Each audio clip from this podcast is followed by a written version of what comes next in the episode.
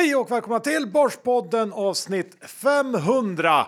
Och vi ska börja med vår huvudsponsor som ju är Skilling, den svenska ägda multi-asset trading plattformen som fokuserar på säkerhet, snabbhet och enkelhet. Och nu är vi ju inne i en period som är extremt volatil. Det ser man ju inte minst om man tittar på VIX-index som ju är ett mått på aktiemarknadens förväntningar på volatilitet och det har stuckit upp här sista veckorna. Ja, det har det verkligen gjort och det finns ju anledningar till det kan man ju lugnt eh, säga. Det har ju mycket att göra med bankkollapserna vi ser världen över. Ja, och hög volatilitet är ju någonting man gillar som trader. Det finns många instrument som rör på sig mycket nu. Till exempel har vi sett bitcoin gå väldigt, väldigt starkt sista veckorna som någon slags lite halvt oväntad safe haven spel.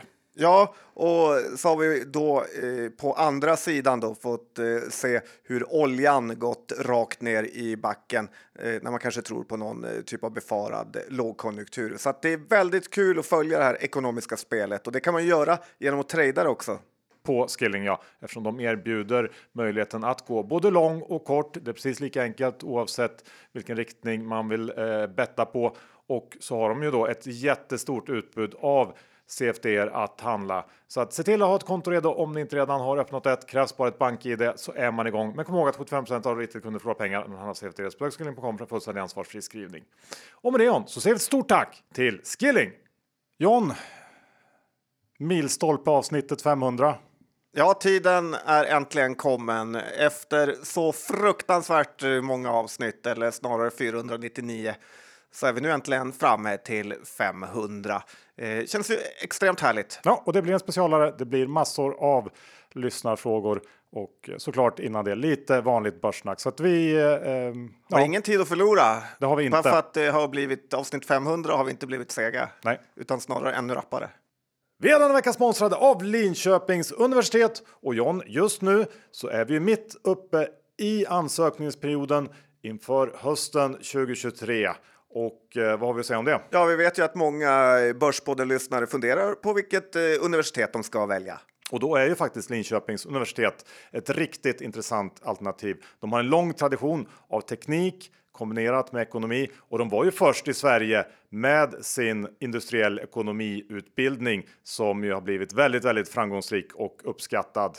Den är nästan legendarisk eh, numera och det är mycket tack vare att eh, det har varit många framgångsrika personer som har just gått den utbildningen, bland annat Sveriges egen Warren Buffett med Per H Börjesson. Ja, som ju ofta pratar sig väldigt varm om sin tid i Linköping.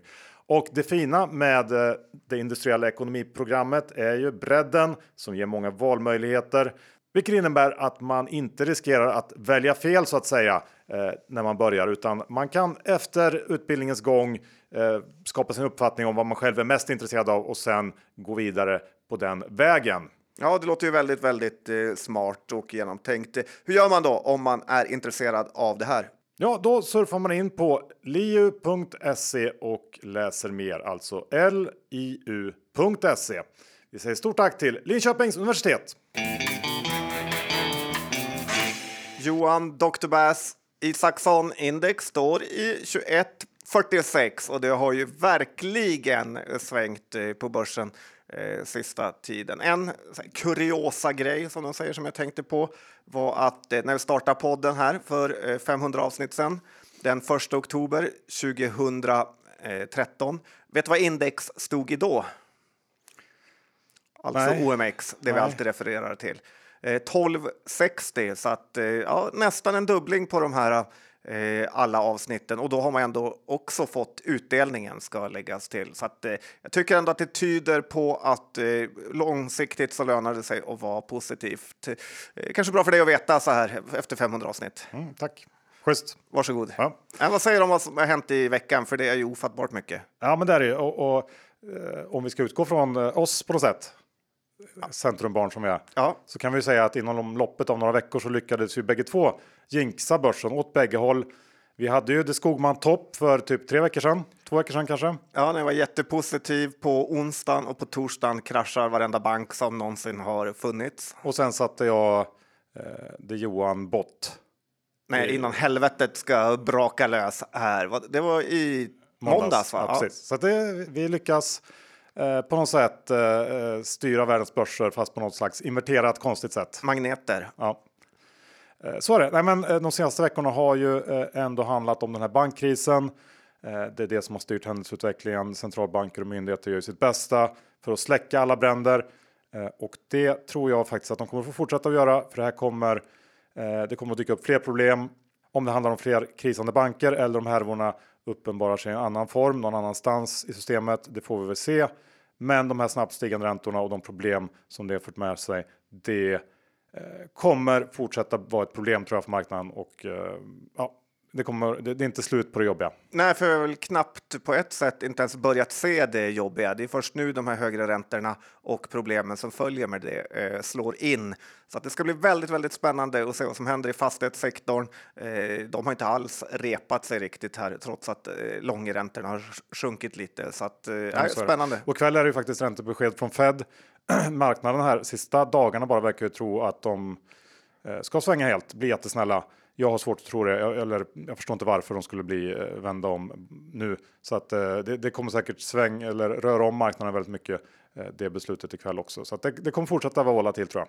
Ja, men det är kul för oss traders får man ändå säga att det svänger så här. Att man har en åsikt på morgonen och en annan när man går och lägger sig. Ja, och du har slagit fast att eh, teknisk analys inte funkar. Ja, men jag tycker faktiskt att man kan bortse från det eh, just nu när det är sådana här olika stödnivåer. Tittar de på glidande medelvärden och så vidare. Men i sådana här tillfällen så slutar det ju helt att fungera och man kan lägga bort det för ett tag. Eh, för det går inte att läsa ut något av graferna och det spelar ingen roll för ingen vet vad centralbankerna hittar på, eh, vilka banker som defaultar eller om staten går in och garanterar insättningar. Jag tycker TA fungerar bäst i lugna marknader eh, där det är mer eh, bolagshändelserelaterat lite grann, där man kan eh, få information i graferna eh, än när vi ser de här jättestora makrohändelserna som eh, händer. Så. Tänker eh, nästan tvärtom. Okej. Okay. Du, du, jobbar mycket med nu? Eh, nej, men jag tänker att när det är som mest osäkert och volatilt så går man tillbaka som människa till liksom känslor och eh, instinkter och det är liksom det som TA på något sätt uh, ja, fångar upp. Ja, det är väl mycket TA är ju i grund och botten backtrading som väldigt få TA-personer som är snuskigt rika. Så är det. Däremot är de väldigt bra på att rita olika grafer hit och dit. Eh, ja, jag vet. tycker inte att, eh, men om man kan se olika räntebesked defaults i graferna så är jag imponerad. Ja, det också. Kalla dig Saida. Ja, jag har inte sagt att jag är någon TA-kille. Jag bara försökte se andra sidan av myntet. Men du, eh, vi har ju en, en uh, comeback kid den här veckan. Eller de senaste veckorna kanske. Berätta. Ja, det är krypto. Det är krypto. Framförallt bit, bitcoin. Har inte hållit på ett tag?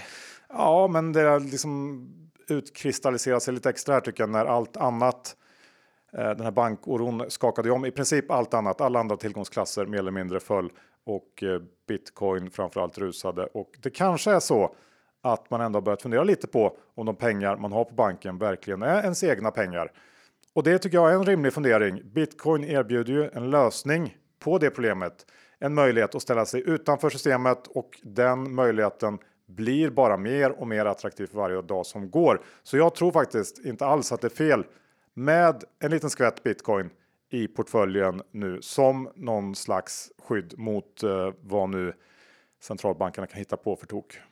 Ja, jag håller faktiskt eh, med om det. Att, eh, och var jag snuskigt rik så hade jag nog haft relativt mycket pengar i bitcoin. För jag tycker det har visat sig vara ett ganska bra skydd när bankerna har stängt igen, de har defaultat, eh, det har snackats om att man ska bli av med insättningarna och så vidare. Då är det ändå lite skönt att ha en hedge i någonting annat än vanliga så kallade fiatvalutor som du och Syding så gärna kallar det. Ja, men jag tycker att jag tror att fler kanske börjar förstå det nu.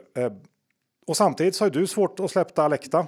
Ja, men jag har väldigt svårt att eh, släppa hela den här eh, härvan. Hur, det verkar som att inget ansvar krävs utav de här personerna som nu har spekulerat bort 20 miljarder kronor. Eh, de har hjälpt till att försvaga Sveriges kronkurs genom att eh, sälja svenska värdepapper och köpa utländska eh, kombinerat med att de här överbetalda förvaltarna eh, varit och druckit vin i Napa Valley. Det vet jag inte, men det, har den känslan. Eh, för att sen slarva bort de här stackars eh, pensionsspararnas pengar.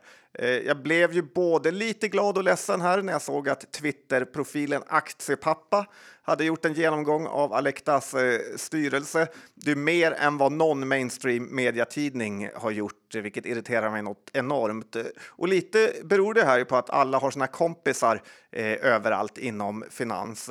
Affärsvärlden hade ju ett stort hyllningsreportage om Ann Grevelius som någon typ av entreprenör Eh, och delägare av Lysa som sysslar med indexfonder eh, där hon är ägare. Och vi, ja, det är en eh, liksom, produkt jag gillar.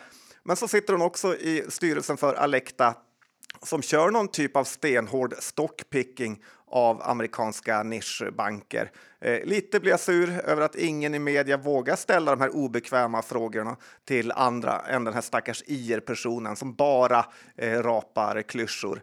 Hela styrelsen i Alecta, inklusive vd, måste avgå för det finns ingen som kan ge sådana här personer mer förtroende. Dessutom så har de ju förmodligen också tappat allt självförtroende eh, och kommer ju vara skotträdda för alltid.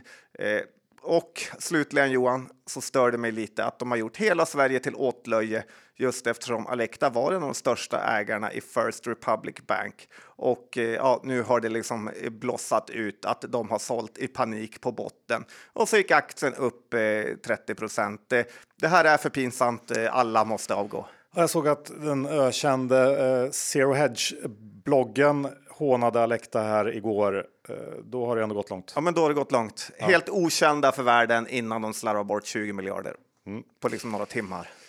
Och, eh, men det är ju på något sätt ett tecken i tiden John. Det är ju härvornas tid just nu. Så är det. Så är det. Ja, det är storhärvor som i de här bankerna, men det finns också mindre härvor. Som i Distits billaddare som fått säljförbud här i veckan. Det handlar ju om det här dotterbolaget E-Fuel som är distributör av den här enormt populära laddaren Easy som då inte längre får säljas i Sverige och eh, den eh, laddaren stod för 70% av E-Fuels laddboxaffär och Distit köpte det här bolaget i mitten av 2021. Det förvärvet får, framstår ju mer och mer som ett riktigt katastrofförvärv, vilket Affärsvärlden och Benson tror jag eh, framförallt skrivit en hel del om, eh, vilket jag tycker är bra. Som det ska man läsa om man är intresserad av det här.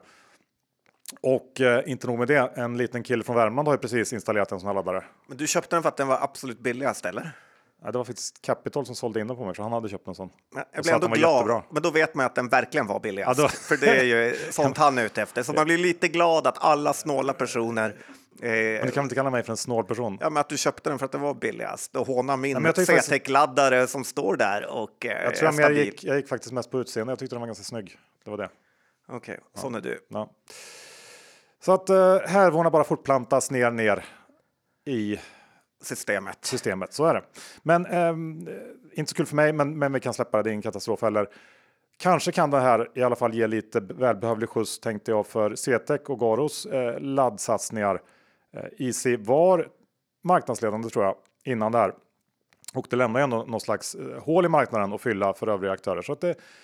Eh, tror inte de är jättebesvikna över Easys haveri. Nej, jag såg att de aktierna gick också upp när nyheten eh, kom om det här, så att eh, de skulle verkligen behöva eh, lite skjuts, särskilt CTEC som håller på med sin nyemission nu. Ja. Vi går över till lite bolag specifikt som kommit i veckan. Jag tänker börja med Bygghemma Group, BOG, som igår kom med en brutal vinstvarning för det första kvartalet. Då trivdes du eftersom du har dissat den här branschen väldigt hårt. Ja, men då trivdes jag ganska bra. Um, och det är ju så att uh, för den som inte visste det att renoverings och hemmafixarmarknaden mår inte så bra just nu. Nej, det gör det inte. Nej. Och aktien var ju på all time low redan innan det här beskedet. Eh, BOG hade i Q4 varnat för ett svagt första halvår, men det hjälper ju inte så mycket när uh, det är liksom katastrofsiffror man kommer med för Q1. Det ska vara en förlust på upp till 100 miljoner i värsta fall. Eh, samtidigt som man har en väldigt hög nettoskuld fortfarande. Och eh, BOG jobbar såklart med kostnadsbesparingar, försöker få ner sitt lager och så vidare. Allt för att undvika en nyemission. Men ehm, att lyckas med det tycker jag ser ut som eh, en, liksom ett riktigt bragd uppdrag. Och eh, jag gissar att bolaget kommer att tvingas ta in nya pengar igen. Och då blir det på väldigt låga nivåer för att få eh, folk att vilja gå in. Så att eh, återigen tycker jag man får konstatera att EQT som är huvudägare i BOG haft ett sinnessjukt uselt track record i sina noterade investeringar och jag är på riktigt fundersam kring hur de år efter år levererar helt fantastisk avkastning i sin onoterade portfölj. Men i princip allt noterat de tar i blir till skit. Känns ändå som att det finns någonting där. Ja, de är så överbetalda de här EQT-personerna att det är äckligt. Och de har ju underpresterat. I vilka bolag har vi? Vi har Storytel. Eh, det går bara att rabbla upp bolag. BIM, BIM Objects. verkliga skräpbolag har de varit i och gjort absolut ingen eh, nytta. Sen känns det också som att det kan vara lite taktik från EQT att fullkomligt mosa BHG för att sen stärka sina eh, positioner och ägarandel ytterligare via en stor nyemission. Oerhört sofistikerat så fall om de liksom görs på det sättet. Jag är tveksam ändå att de vill att ska Ja, men nu när det ändå är kört så är det lika bra att eh, trycka ner aktien ja, jag, extra. Jag vet inte. Däremot så kan jag ju tänka mig om man ska prata om var kan det dyka upp de här eh, krisproblemen. Vart kan de dyka upp härnäst? Eh, riskkapitalbranschen är väl inte alls omöjlig. Det är ju en av de liksom delar av finansbranschen som har tjänat absolut mest på nollräntor och negativa räntor.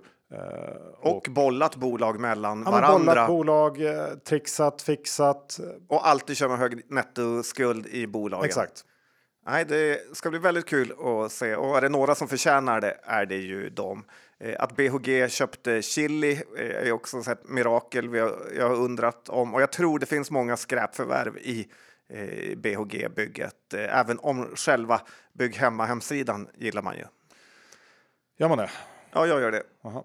Men nu har ju du eh, varit på eh, BHG här. Johan, jag tänkte också ett bolag som jag är lite eh, orolig för och som vi har pratat om, men som eh, oron bara fortsätter att stiga. Det är faktiskt Ratos nu när oljan faller fritt också. Eh, det här är ju det här är jättedåligt för deras stora innehav i norska oljeserviceföretaget Aibel. Eh, både Halliburton och Slumberger i USA. Eh, kändes inte som att jag sa det rätt, men de är lite peers. De har tappat mycket sista tiden och sen innehåller ju Ratos Plantagen som väl ändå är lite samma bransch som Bygg Hemma med Hemmafix och så. Och så slutligen så har vi både vindkraftsbolagen som haft det tungt, eh, vilket såklart hänger ihop med eh, fallande oljepris. Eh, men utöver det så har man ju köpt på sig de här konsulterna på toppnivåer. Media talas det i alla fall där om att det kommer vara tuffare för dem när storbolag köper mindre konsulttjänster. Och så har vi hela anläggningsbranschen med de har överbetalt för i Norge. Så att det känns inte som att det riktigt finns någon väg ut för Ratos hur de ska lösa det här. Nej, det känns som en riktigt jobbig portfölj att sitta i kommande år här om eh, det blir tuffare som det ser ut att bli. Ja, Jonas Wiström har verkligen satt dem i en dålig situation. Ja, jag tror faktiskt också det. Vi måste ju riva av Skistar också som kom med sin Q2 tror jag igår. De har ju brutet och eh, det här kvartalet är ju såklart det viktigaste för Skistar. Vinterkvartalet nummer ett.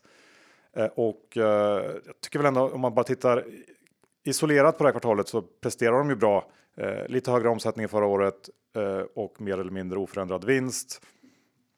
Ehm, bokningsläget är någonting som man ofta tittar på i Skistar. Det är nu då för säsongen 22-23 ner 10% mot förra året och det är lite bättre mot hur det såg ut i förra rapporten. Då var det minus 13 Eh, nu är det snart slut på den här säsongen, men det ser väl ut att landa där någonstans då. Eh, tittar man på Skistars första sex månader så har vinsten fallit med dryga 20 eh, Jag tror att risken är ganska hög tyvärr för att den fortsätter att falla ett tag till. Delvis för att man varit väldigt duktiga på att krama ur pengar ur sina fjäll historiskt sett. Skistar har ju inte direkt varit sena på att höja priserna redan innan vi börjar prata om inflation. Allt är ju väldigt dyrt när man åker till en Skistar destination och sen är ju grejen att Skistar Även fast det känns som att de kanske har monopol har de ju inte det. Jag tror inte att folk kommer sluta åka på fjällsemestrar, men ur en Skistar synvinkel så finns det ju en risk för att man kommer att bli mer intresserad av att hitta lite billigare alternativ när det finns mindre kvar i plånboken och lägga på skidsemestern. Eh, sen har man ju också den här biten med investeringar. Skistar är underinvesterat. Nu eh, kommer man öka sina investeringar i, i liftar och sådär eh, nästa år. Och eh, hela den här biten med att sälja dyr mark till nya fjälllägenheter och fjällhus. Eh, den är ju helt död för en tid framöver så att eh, jag tror nog att man kan vänta med att köpa den här aktien om man är intresserad. Ja, den handlas väl just under 110 eh, kronor här. Med, med. Robert Aldin var här i podden för länge sedan. Då pratade ju han om det här med att Skistar var väldigt underinvesterade. Eh, så att man tänker ju lite vad det innebär att vara underinvesterad för Skistar. Eh, men det är väl främst det att de måste förbättra och bygga ut eh, sina liftar och liftsystem. Det ja, är i ju... Åre tror jag liksom vindsäkrade, ju liksom, så fort det blåser det minsta så är hela året stängt. Och det, ja, folk blir ju sura när man får betala dyrt, dyrt för att åka liftar och så är det tre... Ja, och då blir det otroliga köer då i svenska fjällen jämfört med kanske i Alperna. Eh, det finns ju nästan inget ställe man varit på Alperna som har liftköer som är i närheten av de vi har i Sverige. Eh, faktiskt. Sen vet jag folk var väldigt sura i år för det här senaste påhittet att hyr man av Skistar så måste man köpa liftkort även fast man inte har tänkt åka utför. Sånt där är ju, ja, den där liksom extra girigheten eh, tror jag är dum i längden. Varför hyr man eh, utförsåkningsskidor om du Nej, men om inte... du hyr en bostad? Ja, då måste du köpa liftkort. Ja. Även om fast, fast man bara tänkt åka längd. Ja, det är väl så faktiskt. Och jag tycker det hänger ihop lite med det här där de snackar om att eh, eh, eh, man inte ska titta för mycket på bokningsläget eftersom det är så många som hyr via vad jag antar är Airbnb då eh, att eh, man blir sur. Både de som hyr ut och de som hyr blir sura på Skistar och därför är det fler som eh, hyr via Airbnb och det i sig är ju inget jättenegativt för Skistar, för det är ju just liftkorten de skördar och har i princip 100% eh, bruttomarginal eh, på. Sen det finns det större kritik skulle jag säga eh, hur eh, Skistar i stort har behandlat svenska fjällen med badhus, McDonalds i backen och lite så. Så att, eh, det här är ett bolag man ändå ogillar. Så är det ju faktiskt. Ja. Svårt att säga något annat. Ja. ja. Ska vi ta en liten snabb titt på eh, vad som har hänt i USA också här sista dagarna innan vi går över till eh, frågedelen. Ja, men jag tycker att två megabolag där har ju varit ute och hänt grejer i Nike rapporterade igår kväll. Såg du det? Ja, den var väl jättebra. Ja, det var den faktiskt. Aktien... Oväntat bra. Ja, men den steg i, i efterhanden och eh, slog väl förväntningarna på alla punkter. Och lite intressant tycker jag då att tänka på eh, svenska New Wave här som fallit eh, massor från sin topp 240 till 170 i princip. Men grejen tycker jag ändå man ska sätta i perspektiv för att Nike står nu i ungefär samma som de gjorde förra året och dessutom är vinsten lägre nu Eh, även om de slog förväntningarna så är ändå vinsten lägre jämfört med vad den var för ett år sedan. Eh, så att jag tror man ändå ska vara lite försiktig med att kasta sig in i de här valutadopade eh, Och då är det också Nike liksom best of the best of the best får man komma ihåg. Ja, det är de verkligen. Men kul för Nike att de levererade. Mm. Eller Nike i, vad säger du? Nike. Nike, ja. Tesla då, såg du vad som hände med dem? Nej, har inte sett. Elon där fick höjt kreditbetyg av Moody's till investment grade status från skräpstatus, vilket nu gör att man kan låna pengar billigare. Fler institutionella fonder eh, kan både köpa bolagets skuld men också aktier här. Och eh, aktien rallade ju 7-8 procent på det och närmar sig nu 200 eh, dollars nivån här. Så att det ser ut som att Elon överlistar alla igen. Nu ska han bara få ordning på Twitter också. Mm. Ja, men det är eh, spännande att följa vad eh, Elon gör. Nog om det John. Vi får ju faktiskt inte heller glömma att som vanligt när det är ett jubileumsavsnitt av Börspodden så kommer det ju en Börspodden virre såklart. Det gör den och eh, The 500 finns ute just nu som beställningsvara på eh, Systembolaget och vi har gjort den så exklusiv vi bara kunnat. Eh, en flaska för varje avsnitt så att det finns endast 500 eh, flaskor. Så är det och jag skulle vilja säga att eh, du ligger ju i mångt och mycket bakom den här blandningen som är helt unik. Eh, det är ju lite av en skogmarblandning. Du har fått stå för eh, ja, fin eh, pendla in alla olika toner och röksmaker och så där. Jag ville att det skulle heta The Skogman Blend, men det gick inte. Nej, men, men lite inofficiellt skulle jag säga att det är så. Försöker du skylla ifrån dig eller är du på... lite rökigare? Eh, inte för rökig såklart, men lite, lite rökigare än eh, den tidigare eller de tidigare. Ja, så är det. Eh, och eh, ni vet ju vad vi säger. Ni ska inte köpa den här för att stötta oss, utan det här ska ju vara som en kul grej du plockar fram när dina aktiekompisar eh, och du eh, vill fundera tillbaka på den här krispiga eh, tiden vi har haft på börsen. Så att det finns bara 500 flaskor. Är man intresserad av en börspodden whisky så finns den på Systembolaget. Ja, artikelnummer 59804. Bra John, då är det väl dags för frågedelen som blev väldigt lång. Vi har försökt vara på det mesta. Ja, faktiskt. Eh, vi vill inte välja ut utan vi rev av dem eh, allt eftersom. Jag tyckte det var väldigt kul och tacksam för alla frågor som eh, verkligen eh, ja, i mängder. Och jag kom på John att när vi spelade in där så missade vi en fråga. Det var ju Helen på podden Marknaden, Helen Rothstein, som hade skickat in en fråga i ljudformat som ja, ljudet var lite för dålig kvalitet, men jag tänkte ändå att det är ju schysst att ta upp den också. Den var väl främst till dig och handlade om att Helene tycker att du under de här 500 avsnitten blivit mer och mer av en åsiktspolis. Det är du som bestämmer vad folk får tycka och tänka. Eh, och så är det med det. Eh, stämmer det eller? Det är möjligt. Jag känner att jag blir mer och mer irriterad på människor som är eh, fake skulle jag säga. Det är nog det. Okay. Så då behövs det jag som eh, strat, eh, liksom reder ut begreppen. Vad som är rätt och riktigt. Lite så. Ja.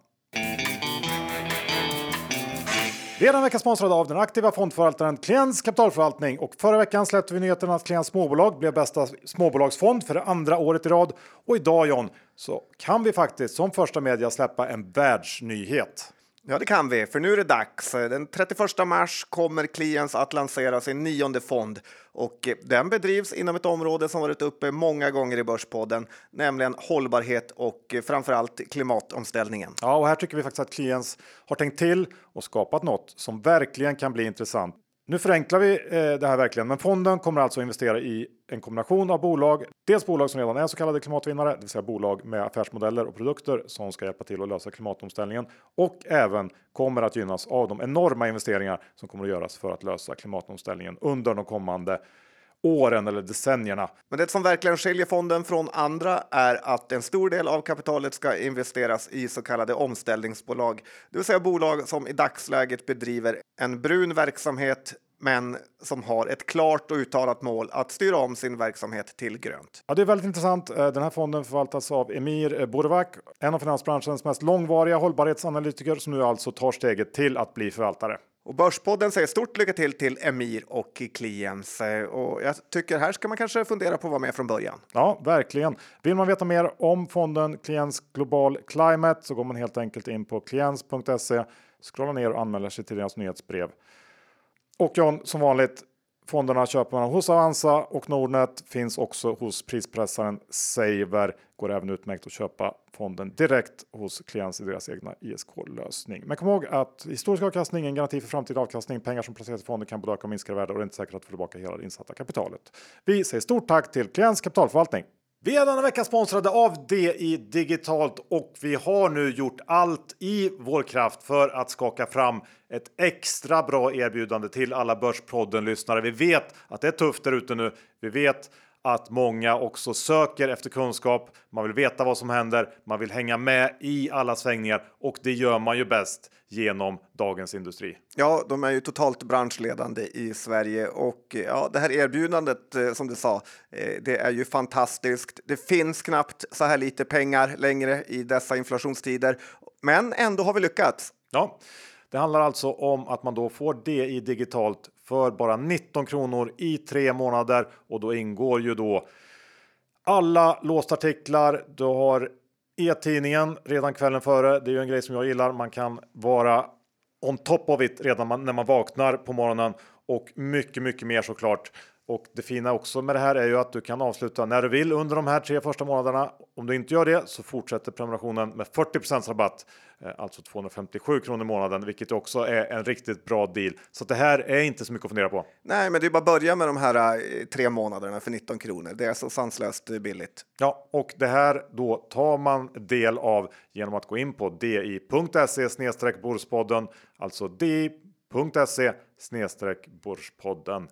Vi säger stort tack till Di Digitalt.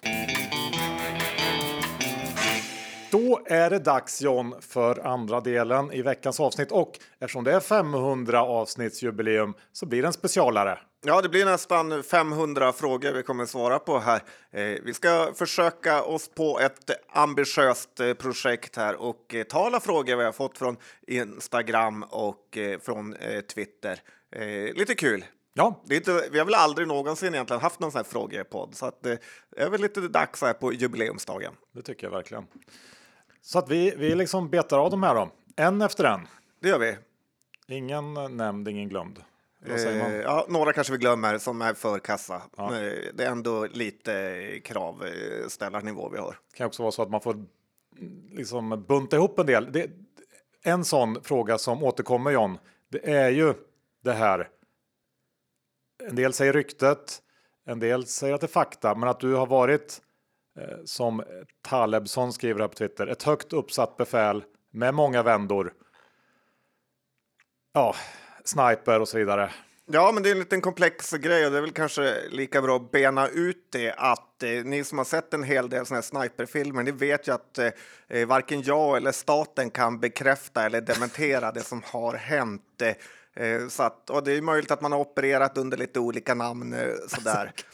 Så att eh, visst, eh, jag vill inte säga något, eh, men ni vet ju själva att eh, det kanske har hänt en del grejer som jag inte vill snacka om. Så är det. Så är det. Okej, och du mer än så kan du egentligen inte.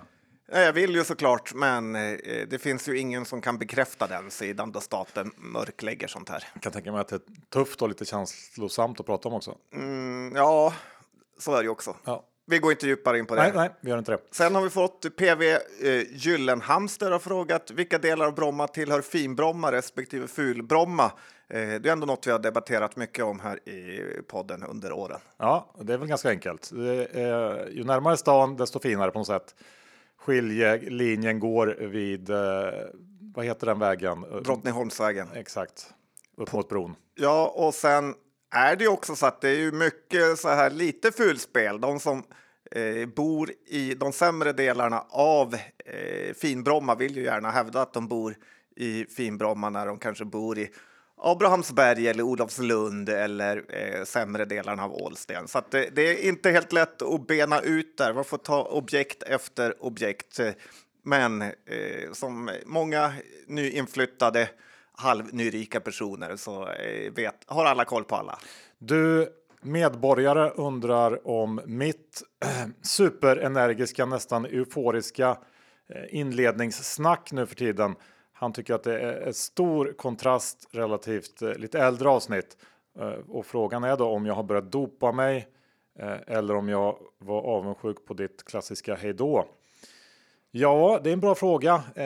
Det är ju helt enkelt en utveckling som har skett, tror jag. Ja, och jag kan ju tycka att du får liksom alldeles för mycket cred för att du verkar så positiv just i inledningen och i podden. Att du är väldigt ofta mer liksom negativ i verkligheten än du är i podden. Eh, Så det skulle lyssnarna veta, att jag dras ju med en betydligt jobbigare person än den så? man ser i podden. Jag vet inte om det är så. Hur började det när vi startade Börspodden? Ja, det var väl egentligen du Johan som eh, kom på idén att vi var lite inspirerade, läste Knausgård och vi lyssnade på Alex och Sigge. Så tänkte vi, vi snackar aktier dagarna i ända. Varför ska inte vi prova att dra igång en podd? Det kan vara lite kul att eh, se om några vill lyssna på den. Ja, plus att eh, det är och framförallt var kanske en bransch som var extremt traditionell. Eh, all media inom finans såg ut väldigt på samma sätt. Det var lika riktat. Det var ganska stelt och tråkigt och där fanns det ju en, någon typ av öppning. Helt enkelt. Ja, det var inte svårare än så. Sen var det svårt att veta att vi skulle sitta här eh, 500 veckor eh, senare. Boxaren frågar, eh, för övrigt intressant att höra läget i Tesla och kanske även lite i krypto. Eh, ja, vad säger du? Kryptomannen? Ja, krypto eh, känns ju fantastiskt intressant just nu givet allt som händer runt om i världen. Och Tesla har jag inte så mycket åsikt om mer än att det antagligen ska ner.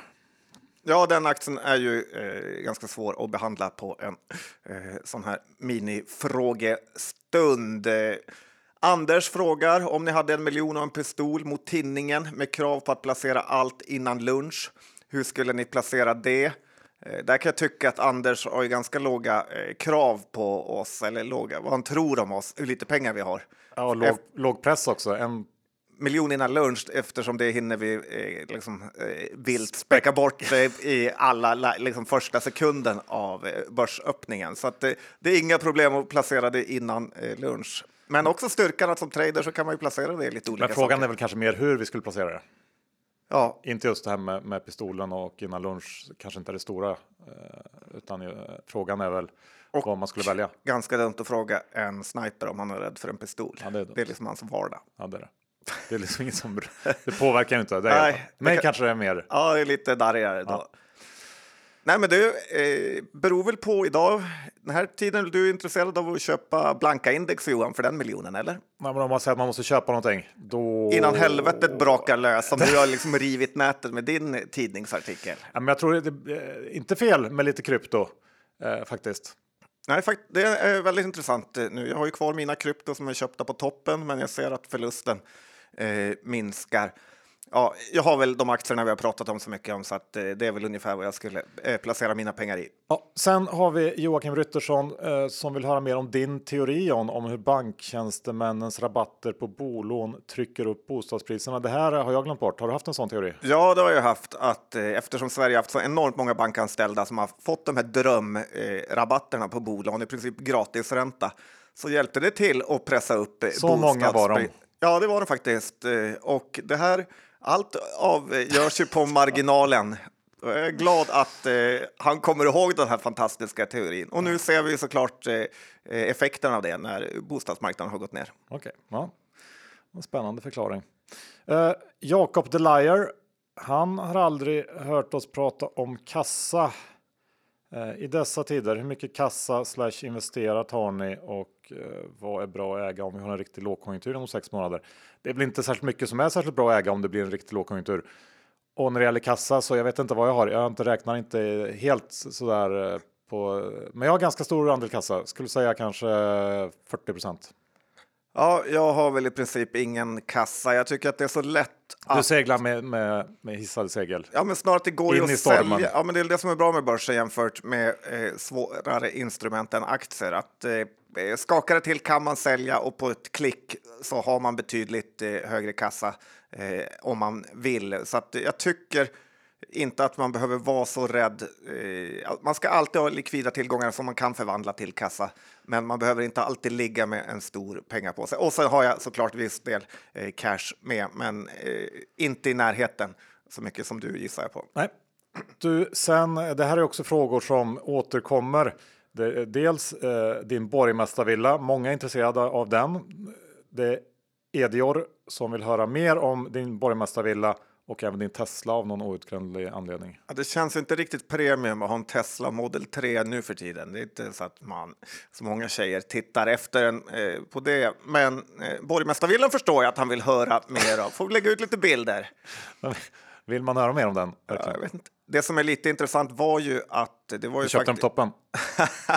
ja, men jag köpt, det var Rwandas eh, ambassadör som bodde där innan och eh, det har ju gjort att eh, vad kan säga, de på Rwanda gillar inte den svenska vintern så värmen har ju varit uppskruvad till maximum maximus eh, och jag har inte riktigt fattat hur värmepannan funkar så att jag har nog haft varmast i Sverige under den här eh, perioden också eh, bland de högsta elräkningarna. Med. Ja, men det är härligt. Om man ska säga något där så tycker jag också att det är ju en av få grejer som är värt att spendera lite pengar på ett bra boende. Så att det, det tycker jag verkligen var rätt gjort av dig att klippa till på en borgmästarvilla. Ja, tack. Du och Victor säger till varandra i Marbella när ni gör high-five på eh, På den absoluta toppen. Den var bra.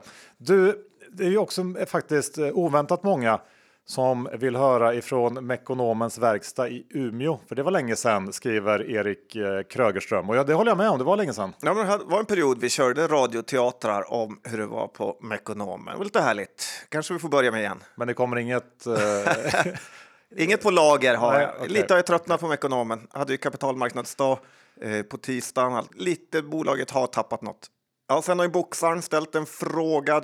Eh, John loggar in på Johans bank och köper en aktie för 30 000 och en för 20 000 i realtid. Aktierna ska vara aktier som Johan hatar men har potential enligt John. Sedan gör Johan samma sak eh, eh, på Johns bank. Eh, Dessa aktier får säljas tidigast när eh, nästa avsnitt eh, spelas in. Och inte så farligt nog en veckas... Uh, Nej, inte så mycket pengar heller. Nej. Eh, ganska dålig eh, fråga där. Dock så en kul grej när jag jobbade på Remium. Så, eh, när jag gick på lunch hade glömt lås, låsa datorn så köpte en annan tradingkille in eh, några huvudstaden eh, C var det va, på mitt eh, tradingkonto på liksom eh, tusen kronor över, för den var ju sinnessjuk illikvid den aktien. Ja. Eh, så det var lite kul att jag såg när jag uppdaterade att jag ägde en stycken eh, huvudstaden som jag hade köpt tusen kronor för dyrt. Eh, var innan enpetar-maffian eh, hos EVM blev galna. Ja. Du, sen har vi Servett Invest eh, som önskar sig en fyllepodd med live-trading av bitcoin. Det var ju en, en fantastisk idé tycker jag. hade vi gärna bjudit på. Ja. Men det blir inte det idag. Det blir inte. Det kan vi slå fast. Ja, vi gillar att dricka, vi gillar Börspodden whisky, eh, så att det eh, hade kunnat bli något. Och gillar bitcoin. Ja, du gör. Ja. När lägger vi ner? Skämt åt sido, säger någon som heter A. Eh, hur många år tar innan AI konkurrerar ut daytraders? Ja, när vi lägger ner, det fortsätter så länge det är roligt och eh, det tycker vi oftast. Och det här med AI är ju rätt kul ändå, för det har ju hela tiden försämrats för eh, daytraders och deras möjligheter att tjäna pengar på börsen. Samtidigt är det på något sätt att det aldrig funnits mer daytraders där ute eh, som gör ett fantastiskt jobb mot alla robotar och alla algofirmer och ja, även mot staten och eh, börsen. Så att eh, på något sätt lyckas vi människor överleva även i det här tuffa klimatet. Och jag tror absolut att det finns en framtid för traders även i framtiden. Ja, man får ju bara anpassa sig och skruva på hur man gör det och eh, vilka strategier man använder. Strecket frågar, prata gärna mer kalsonger, whisky och uh, Marbella. Uh, Marbella är något som återkommer väldigt mycket Johan. Ja, eh, kalsonger vet jag inte riktigt. Du är ju Sveriges kalsongkung. Förvisso så är jag ju det. Kanske kan få se några så sommarbilder på dig i kalsonger här.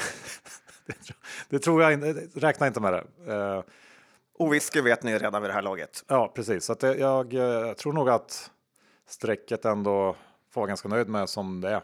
Ja, jag gillar ändå namnet eh, strecket. Det var väl anonyma, eh, det man började kalla anonyma artikeln för i början när det kom för många år sedan. Ja. Och eh, Johan, herr Krona säger dags att börja säga hej då i vanlig ton. Ja, återkommande bråk, men, jag vill inget, ju det. Ja, men det är inget som kommer hända. Du kommer fortsätta. Ge mig den lilla glädjen.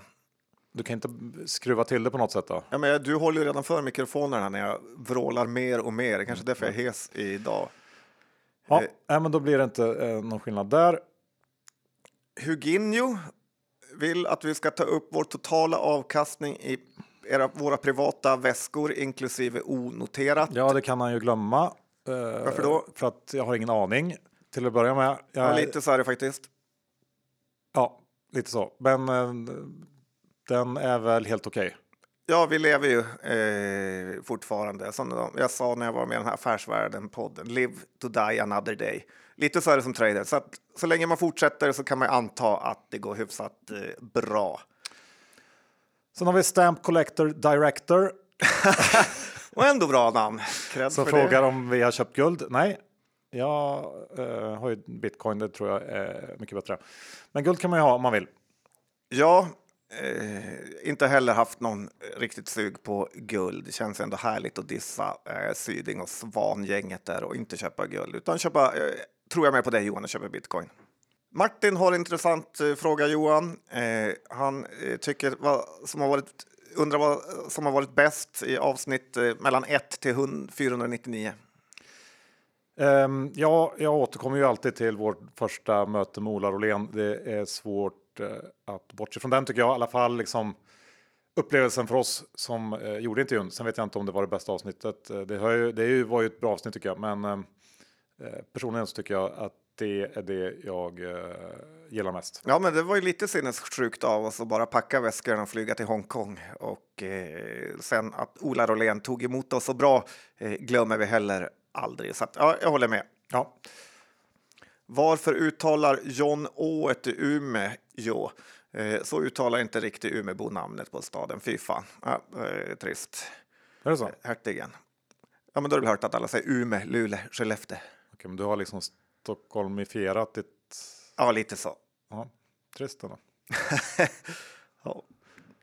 Kommer Avanza-mannen? frågar Hank. Ja, men det var ju också en succé eh, Börspodden eh, hade eh, när Avanza-mannen var med och pratade om rymden och allt möjligt och olika tradingstrategier. Han har väl lite mer försvunnit eh, sen staten gav sig på honom, men man älskar ju ändå Avanza-mannen. Ja, men han kommer inte, kan vi ju slå fast. Nej. Nej, inte idag i alla fall. Sen vill miljonär inom 30 ha en intervju med Håkan Hockeyfrillan Lundstedts frisör. Det är en väldigt bra idé. Eh, svårt eh, att få till bara. Jag vet inte vem frisören är och eh, inte säker på vad vi skulle prata om riktigt. Nej, det är kanske en sån här, fråga tjeckiska hockeylandslaget vem som klipper dem så kanske det är samma. Lite intressant dock att prata med Håkan Lundstedt kan jag tycka eftersom han ändå varit en sån profil genom åren. Först som otroligt expansiv vd på Ek- Mekonomen när de skulle börja sälja skoterdelar och till segelbåtar och båtar. Eh, och sen nu att hoppa på Synsam och göra lite samma resa där med en otrolig eh, butiksnätexpansion. Det är en väldigt spännande kille. Ja, så han skulle man vilja, eh, vilja följa. Jag tror han har trillingar med också. Inte vanligt. Det är alltid något med honom. Ja, alltid något. Sparmongot eh, frågar. Skogman låtsas att han är diktator för ett valfritt land och har total hybris i ett helt avsnitt. vore underhållande. Eh, ja, jag tror inte så många andra kanske eh, tycker. Är det inte lite så varje avsnitt är? På något sätt, eller? Ja, det är möjligt. Eh, Jimmy Flöjt undrar ju hur BP-partiet, och lite lite frågor om BP-partiet kan jag tycka generellt. Eh, Jag trodde att eh, Ligger vi lågt i opinionen, Johan? kanske bara att det är liksom en sån mellanperiod nu efter valet och så. Ja, det kan vara inte så. har varit så mycket aktivitet. Men hur som helst, Jimmy Flöjt, hur ska BP-partiet göra för att lösa inflationsproblematiken? Förutsatt då att vi har eh, samma mandat som Riksbanken, riksdag och regering tillsammans. Ja, jag hade väl en lång föreläsning för dig här i morse Johan, att inflationen är egentligen inte vad man tror den är eftersom när priserna stiger så handlar eh, folk annorlunda saker eller billigare saker. När matpriserna stiger eh, så handlar man inte avokado utan man kanske köper gurka. Men problemet blir att eh, Riksbanken mäter fortfarande avokado eh, mot avokado för ett år sedan, trots att det säljs otroligt mycket mindre eh, avokado. Jag tycker liknande kan man säga med elpriserna, att eh, elpriserna går upp, det drar upp inflationen, samtidigt använder folk 20% mindre el. Så att eh, det blir väldigt konstigt instrument Riksbanken använder när de får för sig att inflationen är 15 procent. Eh, jag eh, tycker man borde ha Skogmans mätnivå istället. Ja, det tycker du. Ja, jag vet inte riktigt hur vi skulle lösa det. Jag gissar ändå att det skulle vara någon typ av krypto inblandat. Kanske pegga seken mot bitcoin eller någonting.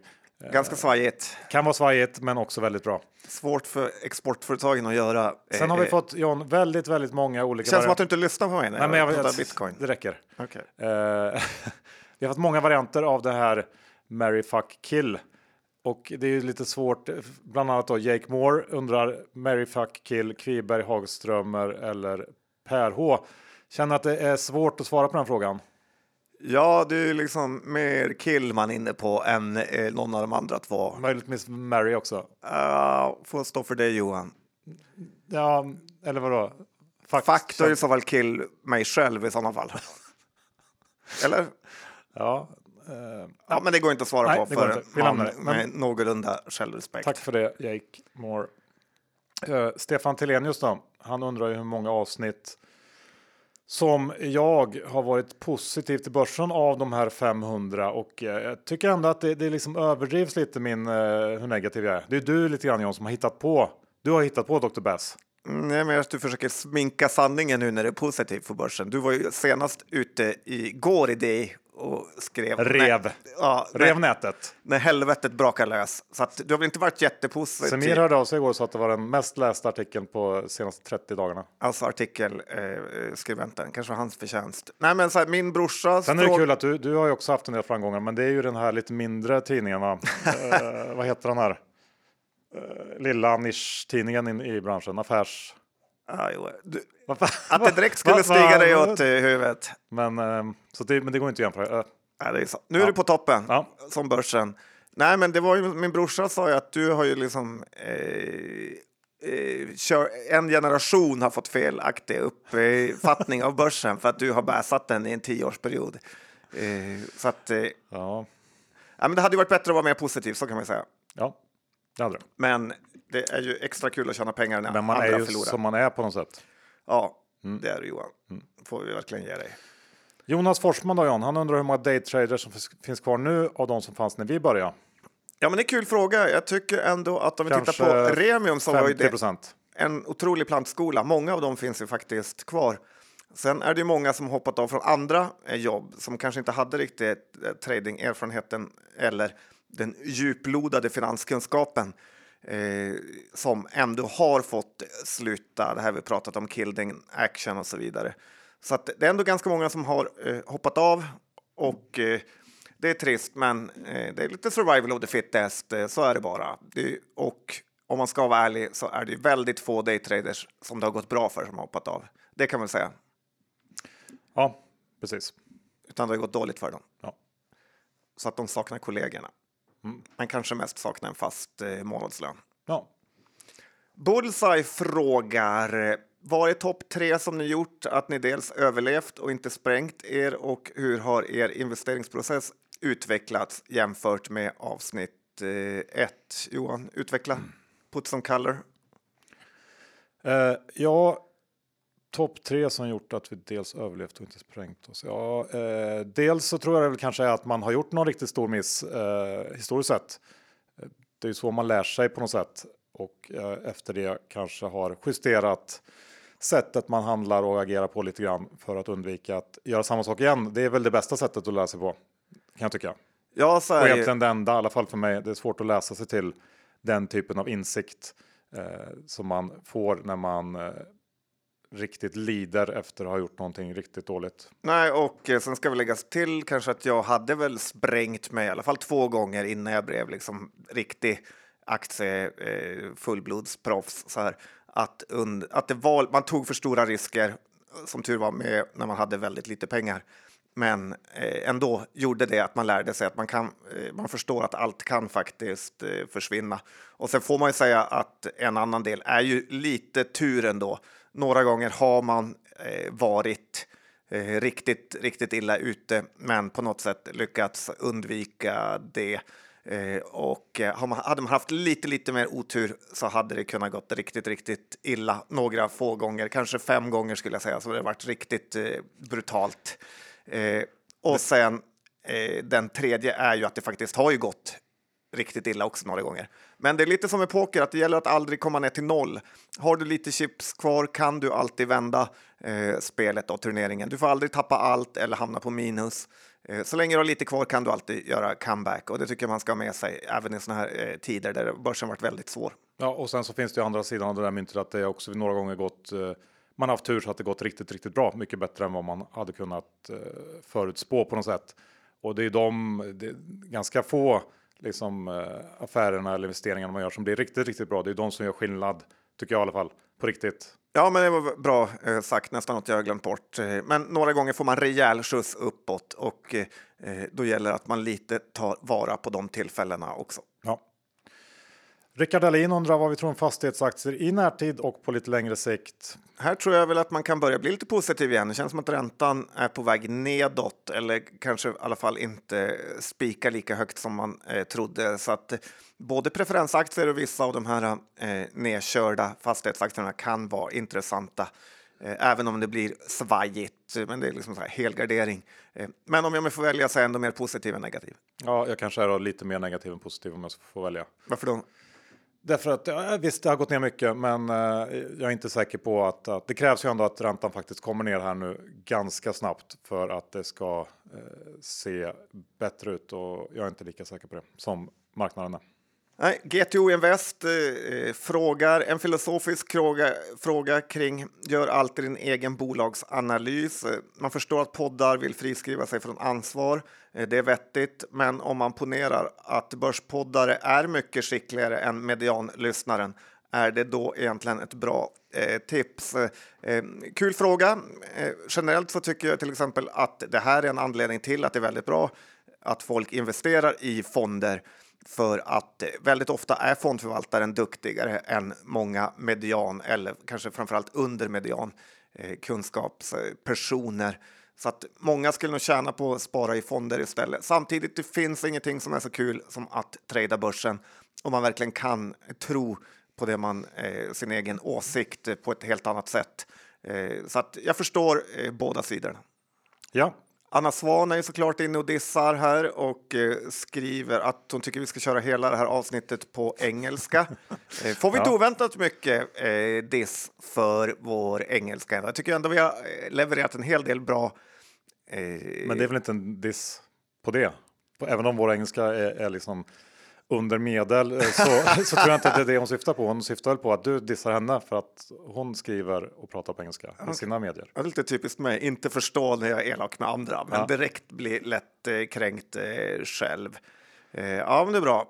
Eh, och samtidigt äta wraps eh, skriver in Vestakus under. Ja, men det är lite kul. Finns ändå, jag tycker ändå att jag bidragit till ett bättre finanssamhälle eh, samhälle och med att jobba bort de här wrapsen som framförallt Avanza hade en Det var länge galen sedan man såg det nu. Ja, det finns inget äckligt som att sitta och äta wraps på bolagspresentationer. Det fastnar blad, det rinner på händerna. Eh, plus att det inte ens gott. Nej, det är det eh, inte. Nej.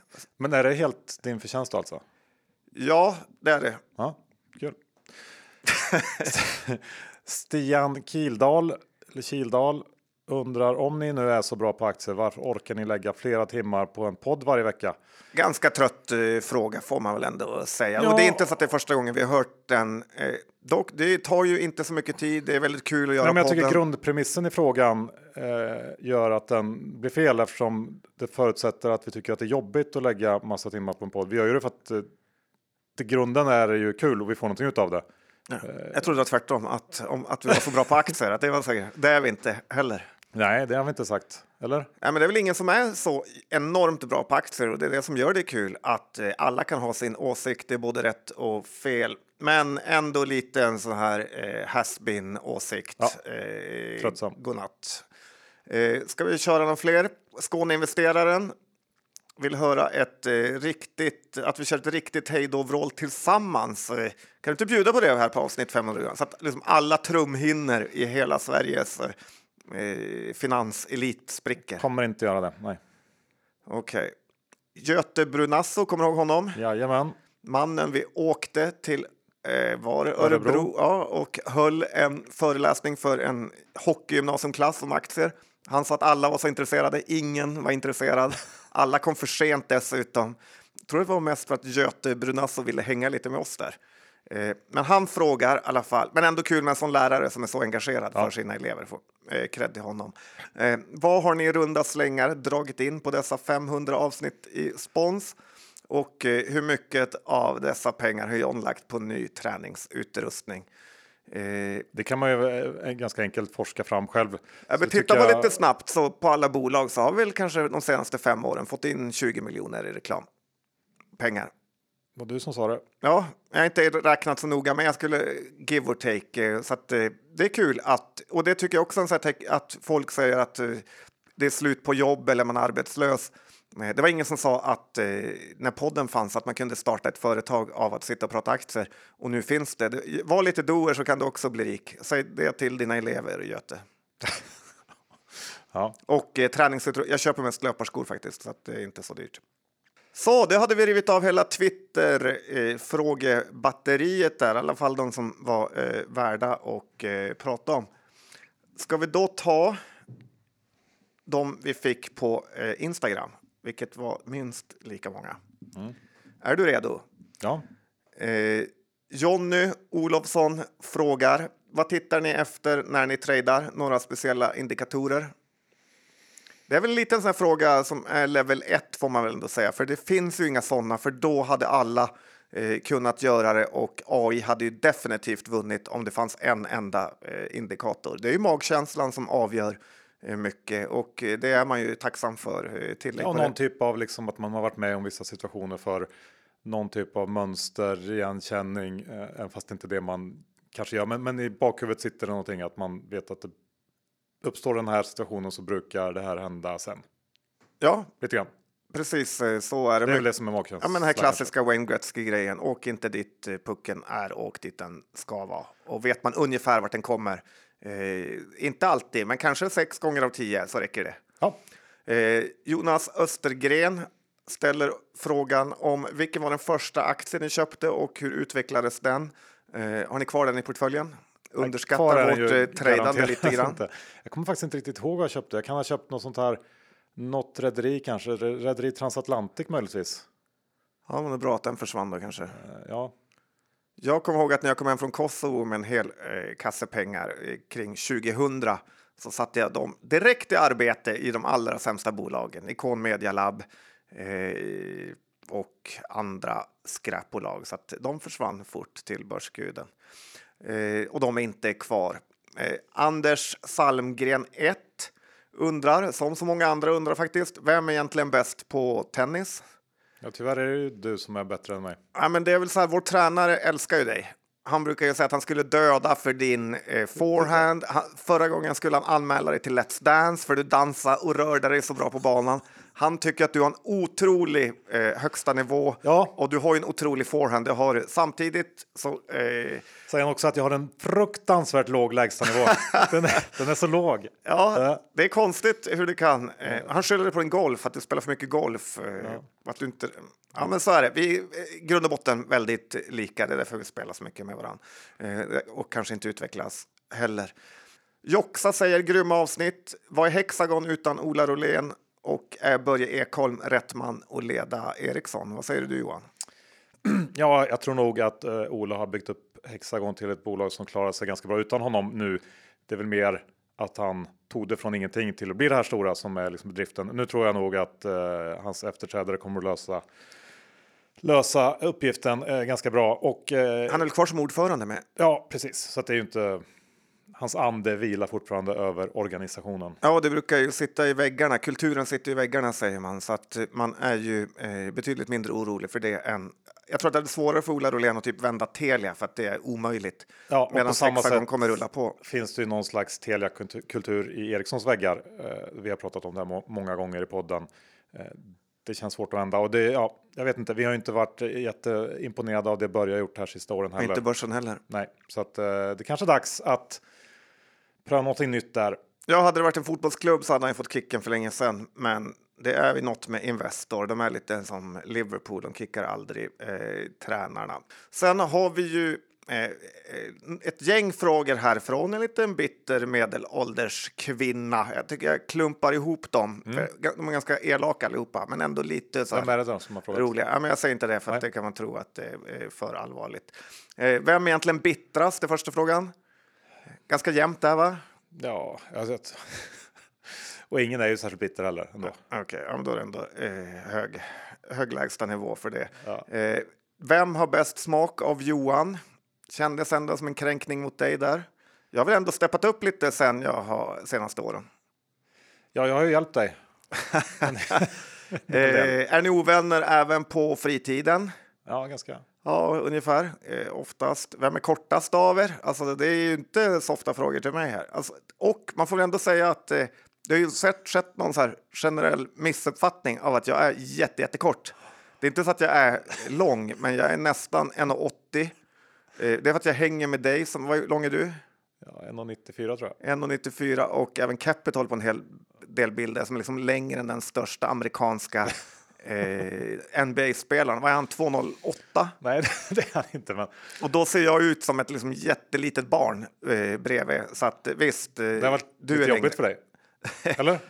Nej, men jag ser, jag tycker det är konstigt det här med att man är så otroligt eh, orolig för längd. Det är som killar som gnäller på att tjejer bara vill ha eh, långa killar. Satsa på korta tjejer då, tänker jag. Du får liksom spela de korten du har. Spela bollen där den ligger. Ja, lite så. Men du är nöjd, ser jag på ditt smile. Ja, ja, Sista frågan här då. Har någon av er gått plus någon gång? Gissa. Själv. vad tror du själv som de eh, brukar säga? Ja, men det har vi gjort eh, några gånger. Tack för din positiva attityd här. Eh, och så frågar Andreas Stålberg, eh, kanske lite mer detaljer om er trading. Hur många avslut om dagen gör ni? Eh, det varierar ju väldigt mycket. På rapportperioder, eh, dagar kan det vara hur mycket som helst. Eh, så dagar mellan rapporterna där det inte händer så mycket kan det vara ganska få, ibland nästan inget. Ja, precis så. Det är lite som en sportsbetting med som eh, Christian Nylén var inne på, att det är väldigt lätt att eh, spela för mycket. Det är bättre att spela eh, de gångerna man har chansen. Sen är det ju rätt kul också att eh, trada lite, så att det gör man ju. Eh, JK Posett eh, ställer en liten kul fråga. Skeppsbrott på en öde ö. En till överlevande, antingen Ryk eller Kaplan, alltså vdn på eh, Vestum eller Storskogen. Två serieförvärvar vd har man att välja på då. Ja, vem av de två skulle du ta med dig? Alltså det var inget jättebrett urval. Nej. Det är lite samma. det är svårt på en Instagram-fråga liksom göra Ja, en det kan man berättelse. tänka. Det känns som att kanske Ryk är bättre att ha med sig. Som man kan, eh, lite yngre, lite mer atletisk, kanske kan bygga och jaga och greja. Han känns ju mer som en go-getter, överlevare. Samtidigt skulle ju han kunna liksom, Äta upp en. ja, lite det jag tänker. Ja. Om det krävs så har ju han det. Medan Kaplan känns ju lite skörare och snällare. Mm. Att det kanske är han man skulle kunna äta upp om det verkligen behövs. Han känns lite liksom mer köttigare också. Det är både och där. Det beror lite på vilka chanser man har och liksom. Ta sig därifrån. Ja, Jobba som ett team eller mot varandra. ja exakt. Jobbar man som ett team, då tar man och Conny. Ja, Mot varandra, då blir det Kaplan. ja. Ja, bra fråga. Eh, vad är nästa Celio? Finns många av de bolagen ändå. Eh, känns skönt att de har eh, rensats ut under den här börskraschen som det så ska i en marknadsekonomi. Eh, Claimon är ett av de skräpbolagen. Eh, Minesto börjar ju förfalla. Chilipulversbolaget. Eh, Aktiekäm eller? ja, bra Johan, Han sitter där. Nej, men så är det ju. Och eh, vi, eh, ni kan vara säkra på att vi tar upp dem löpande i podden när de dyker upp eh, på vår radar. Så att eh, kommer vi inte att sluta med. Ja, Kollansö, eh, för mig att det ligger i Lidköping, Vänern, trakten där har jag varit flera gånger. Intrum, värdefälla eller guldläge? Ja, värdefälla tror jag. Ja, men generellt sett är de här finansbolagen eh, som väl inte är storbankerna blir aldrig någon bra trade av dem. Det är bara att titta på eh, amerikanska bankerna här eller Resurs eller Collector eller allt vad de heter. Det blir aldrig bra för aktieägarna. Jakob Brittari undrar ju om våra bästa tips till unga traders och hur gjorde ni i unga år och så vidare. Bästa tips till unga traders? Nej, men det handlar ju i början om att bara dels få så mycket praktisk erfarenhet som möjligt. Läsa allt som går, lära sig allt som går. Som det alltid är oavsett vad man vill bli bra på på något sätt. Ja, och eh, försök att inte eh, bli eh, nollad första året, för då kommer du klara dig. Det är otroligt lätt att eh, göra bort sig alldeles för tidigt. I princip första veckorna har vi sett folk som har kommit till kontoret med alldeles eh, för stor tro om sig själva och hur lätt börsen är. Och sen späckar man bort eh, 30-40 procent av eh, pengarna direkt. Då har man nästan 100 procent uppåt. Man blir räddare, man blir skotträdd. Eh, ta lite lugnt i början, jobba dig in i matchen eh, så kommer det lösa sig. För det är inte, liksom, det är inte världens svåraste jobb, även om jag har eh, sagt det. Ministintan undrar vilken aktie bör finnas i var mans eh, portfölj långsiktigt? Jag har inget bra svar på det. Jag tycker inte att det finns något riktigt bra svar heller på det. Vi har ju båda Kambi som Ja. en gemensam aktie och Det eh, bör ju finnas i, i våra portföljer, men det, det är inte säkert att det för den sakens skull är rätt eh, att det ska finnas i precis allas portföljer. Det Sparekonomen trevligt i och för sig. Johan. Nej, men det är ju så. Det är rätt kul att ha en aktie så här, som har gemensamt lite grann, så man kan diskutera, följa. Du behöver inte alla pengar där, men det är kul att ha en aktie med några kompisar som man kan eh, tro på. Och det höjer också intresset att äga aktier. Eh, Men det är väl, jag tycker sådana här generella liksom frågor som kräver den typen av generella svar. De svaren är oftast fel ändå. Verkligen. Det var därför vi gav ett fel svar, Johan. Mm. Alliant 78 eh, frågar, finns det en möjlighet att ni börjar filma avsnitten? Vore kul att se vårt eh, samspel. Eh, Jag tror att det är en låg, låg sannolikhet ändå. Du, varför är du så negativ jämt? Det vore väl rätt kul ändå? Ja, absolut. Ibland kanske. Jag var ju med och spara med Ara, då vägrade du vara med för att det var film. Ja. Jag tyckte ändå att jag gjorde mig rätt bra på film. Ställer inte upp på sånt. Underskattad. Eh, Jag har ju lite mer integritet än vad du har. Det märks ställ- inte efter den här D-artikeln. De sjukaste rubrikerna. Eh, som... Ja, nej, men vi lämnar lite öppet då. Det, det kanske. Ja, men det är också jobbigt. Vi hatar jobbigt. Ja, nu kom precis. Jag hade det jag tänkt igenom Och- innan jag svarade. Vi har ju väldigt låga trösklar för vad som är jobbigt. Och det- jag tycker många traders är så generellt. Att det är liksom, de orkar inte med så mycket jobbiga saker. Och det här med filma och klippa, eh, det är inte min grej. Nej, Så att, eh, nej, det är ganska låg sannolikhet. Ja. Eh, Johan Travels the World. Lite präktigt namn, eller? Är det du som har skapat ditt resekonto? Tusen bilder från Marbella. Nej, det är inte jag. Du och Viktor Kul. Henriksson åker skateboard. Lugn nu. Eh, är ni 500 gånger rikare nu än ni var vid avsnitt 1? Eh, nej. Nej, tyvärr inte. Eh, och så har vi Elin som undrar längre resonemang när ni tycker olika om case. Kul. Eh, ja, men det kanske vi borde ha. Ja, det är kul. Det är ju Om man tycker olika. Ja, eftersom vi hänger så mycket och sitter bredvid varandra är det ofta att vi har eh, tycker relativt lika om saker. Men då och då så blixtrar ganska det till. mycket tycker jag som vi inte tycker lika om också. Ja, eh, så det. Men vi har kanske eh, ska börja ta upp det mer. Mm. Argare. Sugrörsmannen säger, du vet Johan Stene. Han skriver, vad händer och fötter? Och jag säger hur det går en spasm genom hela din kropp Johan. Jag vet inte, var det en fråga eller? eh, ja, det var väl, du har väl dissat det rätt mycket att han har skrivit det i sina eh, vd-ord, vad händer och fötter?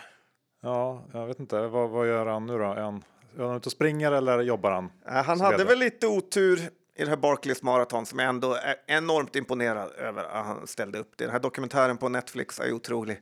Eh, Men han klarar bara två varv tyvärr. Men det här med att fokusera på en sak och bli riktigt bra på det, det är ingenting. Den skolan hör inte Stene till.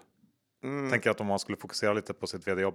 Ja, det kan man säga med tanke på värderingen på Technion så har han lyckats extremt bra jämfört med alla andra serieförvärvare. Så eh, ja, kanske dags att komma till podden en gång Johan. Faktiskt. Mm. Oj, trodde inte du skulle svara på ja på det. Jag skojar ju lite. eh, Asplund E vill ha mer rövbolagsbevakningar. Ja, Du är mannen som har hittat på stämmer. rövbolagsepitetet? ja.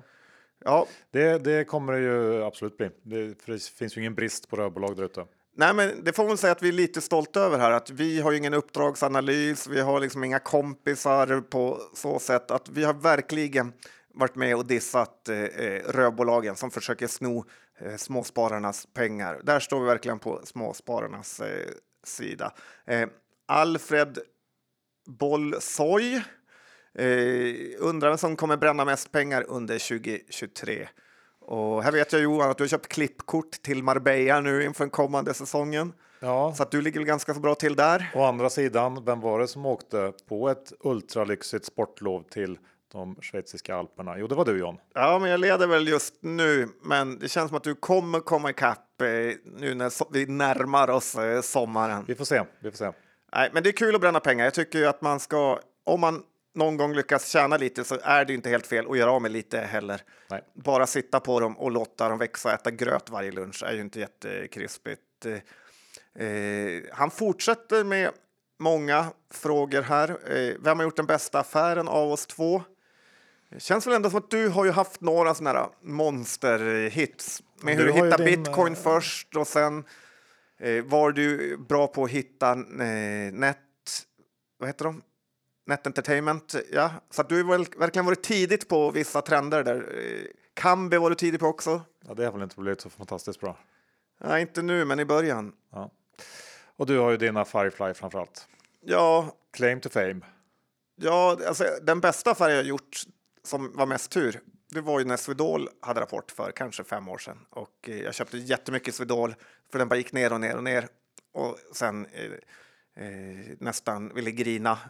Och sen blev det fredag och sen på måndag kom budet. Det är ändå eh, svår, eh, svår att slå den turen. Ja, den är härlig. Eh, just för att rapporten var så bra men aktien gick ner, det var konstigt. Eh, jag tycker lite synd om den som sålde alla de där. Oftast är det tvärtom, får man ju säga. Ja, absolut. Att man blir köper för något går ner och sen kommer liksom en sån här BHG-vinstvarning eh, och skickar ner aktien ytterligare 20 procent. Boldur och eh, allt vad man har blivit pålurad. Så att eh, netto har man ju förlorat mest på att köpa eh, aktier som går ner ja, utan anledning egentligen, för ofta är det en anledning. Ofattbart otroligt att det kommer ett bud eh, mot det. Eh, Klinusson undrar, han vill höra lite mer privat utveckling de senaste tio åren. Vore kul att höra om. Eh, ja, det är ändå rätt kul vad som kan hända i ett liv på tio år. Vi orkar väl inte gå in på det, men jag Nej. att, antar att det har hänt saker i hans liv också. Men vi har år. utvecklats, ja, som personer. har vi det? Ibland undrar man. Ja, jag vet inte. Eh, ska vi förklara hejdåt? Tycker Appelgren Petter. Eh, Petter Appelgren då, är det tennis pingisspelaren? Hette han eh, Appelgren? Det finns väl ingen förklaring. Det bara blev som det blev, som man brukar eh, säga. Ja. Filip Skalander tycker att vi ska outa den my mytiska och legendariska BP-portföljens avkastning. Ja, det borde vi kunna göra. Men jag vill för mig att vi gjorde det i eh, slutet på förra året, om det var nyårsafton eller så, så la vi ut en Insta-story om hur eh, faktiskt bra den hade presterat under det makalöst svåra året eh, 2022. Kan vi, kan vi knappa in och kolla hur det har gått i år? Ja, men det vore kul. Uh, ska jag här logga in? Vi är väl lite försiktiga generaler, så jag antar att den inte... Eh, eller kanske, börsen har gått ner nu, så att det kanske var helt rätt. Det är ju mycket kassa i den här portföljen. Och i år 4,5 procent upp. Tycker jag är okej. Ja, men det är bra. Ja. Så länge man tjänar pengar ska man vara nöjd. Blandelius eh, har en lite spännande fråga. Jag tycker här. Största snedgungan i karriären? Jag kan väl börja där för att tänka. Den som jag var absolut rädd för och som vi pratade tidigare, en av de här turgångerna var ju hyfsat i början av min karriär när Lindab gjorde en placing och eh, jag började köpa tusen aktier eh, varje tioöring ner. Och till slut hade jag liksom köpt för fyra gånger ekot i Lindab och det bara gick ner och ner och ner. Eh, och det var, hade det hänt någonting då, en sån här BHG-grej eller 20-procentigt dropp, eh, så hade jag varit skyldig eh, nätmäklaren pengar på grund av belåningen. Och då eh, var de, jag var på bio där, hade otroligt svårt att koncentrera mig för att jag kände att jag liksom har satt allt på spel av liksom jag var misstag bara genom att snitta ner mig. Och riktigt, riktigt läskigt var det. Sen var det som att Gud eh, förstod min oro och jag tror börsen gick upp sju dagar i rad och jag fick eh, i alla fall tillbaka eh, pengarna. Det blev ingen stor vinst, men det var otroligt skön känsla. Det är en mycket härligare känsla än att tjäna pengar när man kommer till, som att man får luft igen efter att ha legat under vatten. Eh, det var en sån här gång jag kände att det här kan bli riktigt, riktigt illa. Eh, så på liksom personligt plan. Ja, nej men jag, vet, eh, jag har nog kanske något liknande i så fall. Det får vara 2011 när det var ganska kärv börs. Mycket olika kriser som påverkade och jag hade en, en liksom, kanske inte ett enskilt bolag, men en portfölj av eh, usla bolag. Eh, generellt. Det är så du bygger Ja, portföljen. men det var ju liksom, dels hade jag ju inte infört min fasregel, så jag hade ju Bioinvent, det har vi pratat om i podden många, många gånger. Den enorma härvan som det skapade, den aktien gick ju till, ja, inte riktigt noll, men inte långt därifrån. Jag hade Partnertech som var ett jättedåligt eh, kontraktstillverkarbolag. Jag hade Catella som eh, gick fruktansvärt dåligt. Och vad kan jag ha haft mer? MSAB, va? MSAB som gick fruktansvärt dåligt. Alla liksom samverkade, växeldrog nedåt på något konstigt sätt. Så att, eh, plus då med allt eh, större belåning var efter året gick. Så det var inget, det var inte bra. Jag undrar om det var 2012 Det kan vara kanske. 2012. Jag har för mig att vi satt på McDonalds på efter Avanzas julfest och bara kände hur livet verkligen sög. Eh, men allting vänder faktiskt. Eh, Laura undrar, eh, Börspodden Träff eller mingel för alla lyssnare? Vore kul idé. Ja, det borde vi fixa och styra upp. Egentligen borde vi styrt upp det för avsnitt 500. Om vi hade varit lite mer go-getters eh, så hade vi nog gjort det. Men man får ju komma ihåg att det är bara du och jag mot världen. Ja. Så det är liksom inga admin-personer som springer runt och fixar saker eller eh, någon som kokar kaffe och någon som planerar saker. Utan det är bara du och jag mot världen. Och det kan man också... Två små killar Ja, en på 1,94. i en källare. Eh, ja, så vi börjar närma oss slutet här. Har du någon... Alltså det har kommit in så mycket frågor så att det är ändå otroligt kul att se engagemanget här från alla eh, lyssnare. André Lemmon, 89, mer spaningar på stan och större eh, utlägg om Johans värstingpolare i eh, Marbella. Skulle ändå sätta i övervikt till Marbella jämfört med Borgmästarvillan. Ja, Lite ledsen blir jag när jag ser det enorma suget eh, det är på att få hänga där. Sen får man säga att jag har ju inte särskilt många värstingpolare i Marbella. Tyvärr. Det hade varit kul om jag hade det. Ja, men lägger man till frågor om sniper, mina sniperkunskaper eh, så kanske vi är på Evil Steven. Eh, så är det Gustav Björklund som säger att det var kul när våra fruar var med för länge sedan. Om det kanske är dags igen. Det får man ändå ge han väldigt mycket cred för att han eh, kommer ihåg det här. Det här är Det ju makalöst länge sedan också. Kanske 2014 eh, någon sommar där när vi fyllde ut eh, sommarpodd och de fick berätta hur det var att vara eh, gift med en trader. Ja, det var ändå ett bra upplägg på något sätt. Ja, tror jag aldrig någonsin gjort en sån intervju, varken förr eller senare. Och det kommer nog inte. jag tror inte att de är positivare nu efter tio års psykiskt lidande. hända igen heller. Så att, eh, vill man höra det får man nog gå tillbaks och leta upp den. Det avsnittet helt enkelt. Ja, eh, eller gör det inte skulle jag väl snarare Nej, det var eh, ganska uselt avsnitt. säga.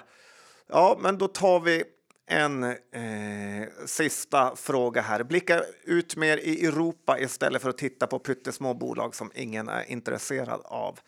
Eh, tycker att det är tyvärr... Eh, dålig liksom, idé. Ja, dålig idé, för det är exakt så här eh, Alekta förlorar pengar. Man tror att man kan spela Eh, utanför sin hemmaplan. Det finns en anledning att alla lag vinner på hemmaplan och förlorar på bortaplan. Det är så otroligt svårt att leverera där man inte har en aning om. Och vi har haft många spararfavoriter genom åren.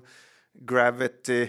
Eh, ju längre bort, desto liksom sämre avkastning får man ofta. Det är väldigt sällan någon har hittat en tiodubblare i Sydkorea eller i Brasilien eller och så vidare. Det är mer under de här håsperioderna, typ uranaktier, Kanada. Man kan ha tur.